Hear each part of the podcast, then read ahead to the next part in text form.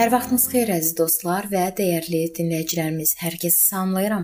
Mənim adım Sona və sizi Allahla 5 dəqiqə adlı podkastımızda xoş gördüm. Bu gün biz tənbəlin zəmisi mövzusunu araşdırmağa davam edirik. Özünüzə bir neçə sual verin.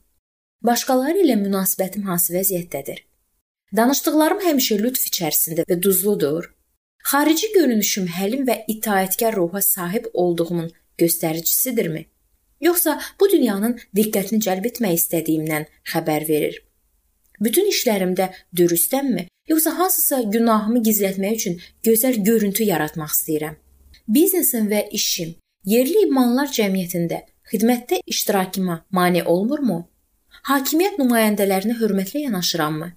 Həyatım kənardakılara mənim imanlı olduğumu aydın şəkildə göstərirmi? Mən kiməm? Yusif yoxsa Avşalom? Ester və ya Isabel biz bu adamlarla şəxsən tanış olmamışıq.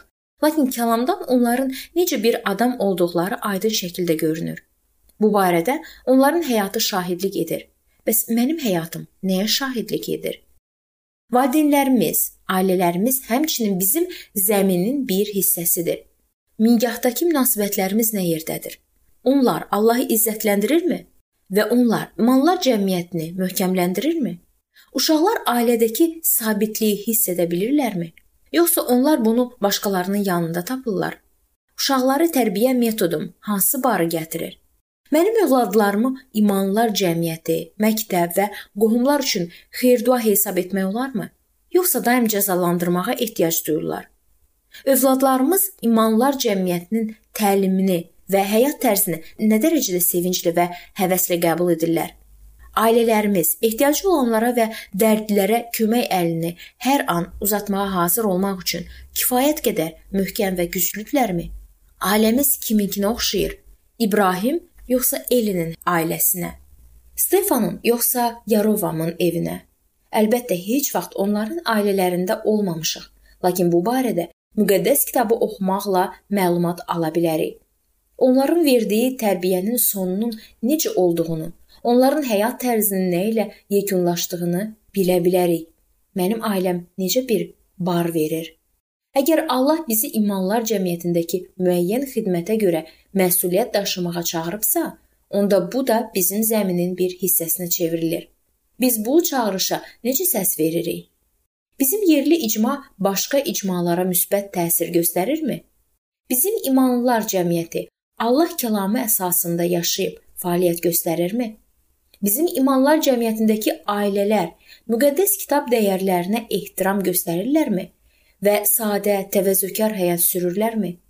Növbəti nəsillər üçün imanlar cəmiyyəti Allaha sadiq saxlamaq üçün əqidə və prinsiplər formalaşdırırıqmı? Ailələrimiz və imanlılar cəmiyyətimiz ətrafdakılar üçün nümunə ola bilirmi? Müasir cəmiyyəti silkələyən məsələlər üzrə Allahın kəlamının həqiqətlərindən möhkəm yapışmışıqmı, yoxsa gündən-günə müqəddəs kitab mövqelərini itirməkdə və geri çəkilməkdə davam edirik?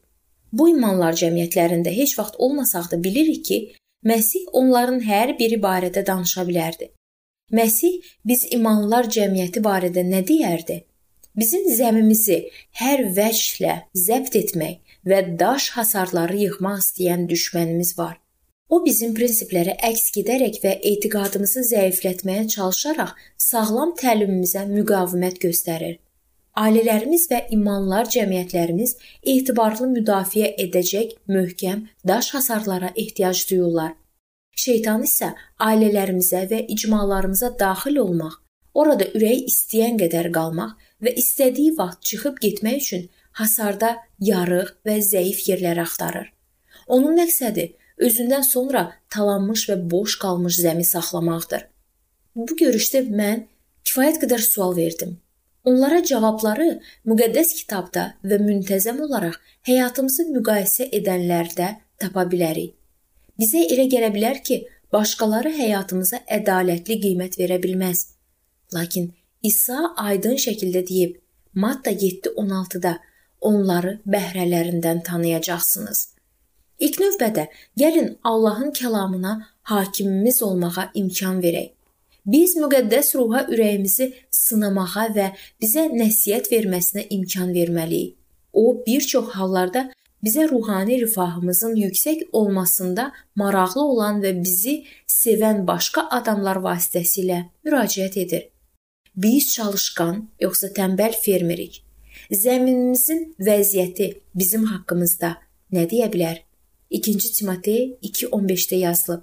Özünü Allaha sınaqdan keçmiş, həqiqət kəlamını doğruluqla işlədən alnı açıq bir işçi kimi təqdim etməyə çalış.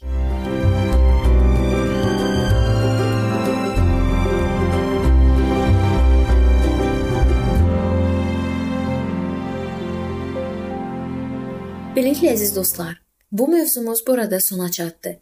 Hər zaman olduğu kimi sizi dəvət edirəm ki, bizim podkastlarımızı Facebook səhifəmizdən və YouTube kanalımızdan dinləməyə davam eləyəsiniz. Hər hansı bir sualınız varsa, müraciət etməyə çəkinməyin. İndi isə mən sizinlə sağollaşıram və növbəti görüşlərdə görməyə ümid ilə. Sağ olun, salamat qalın.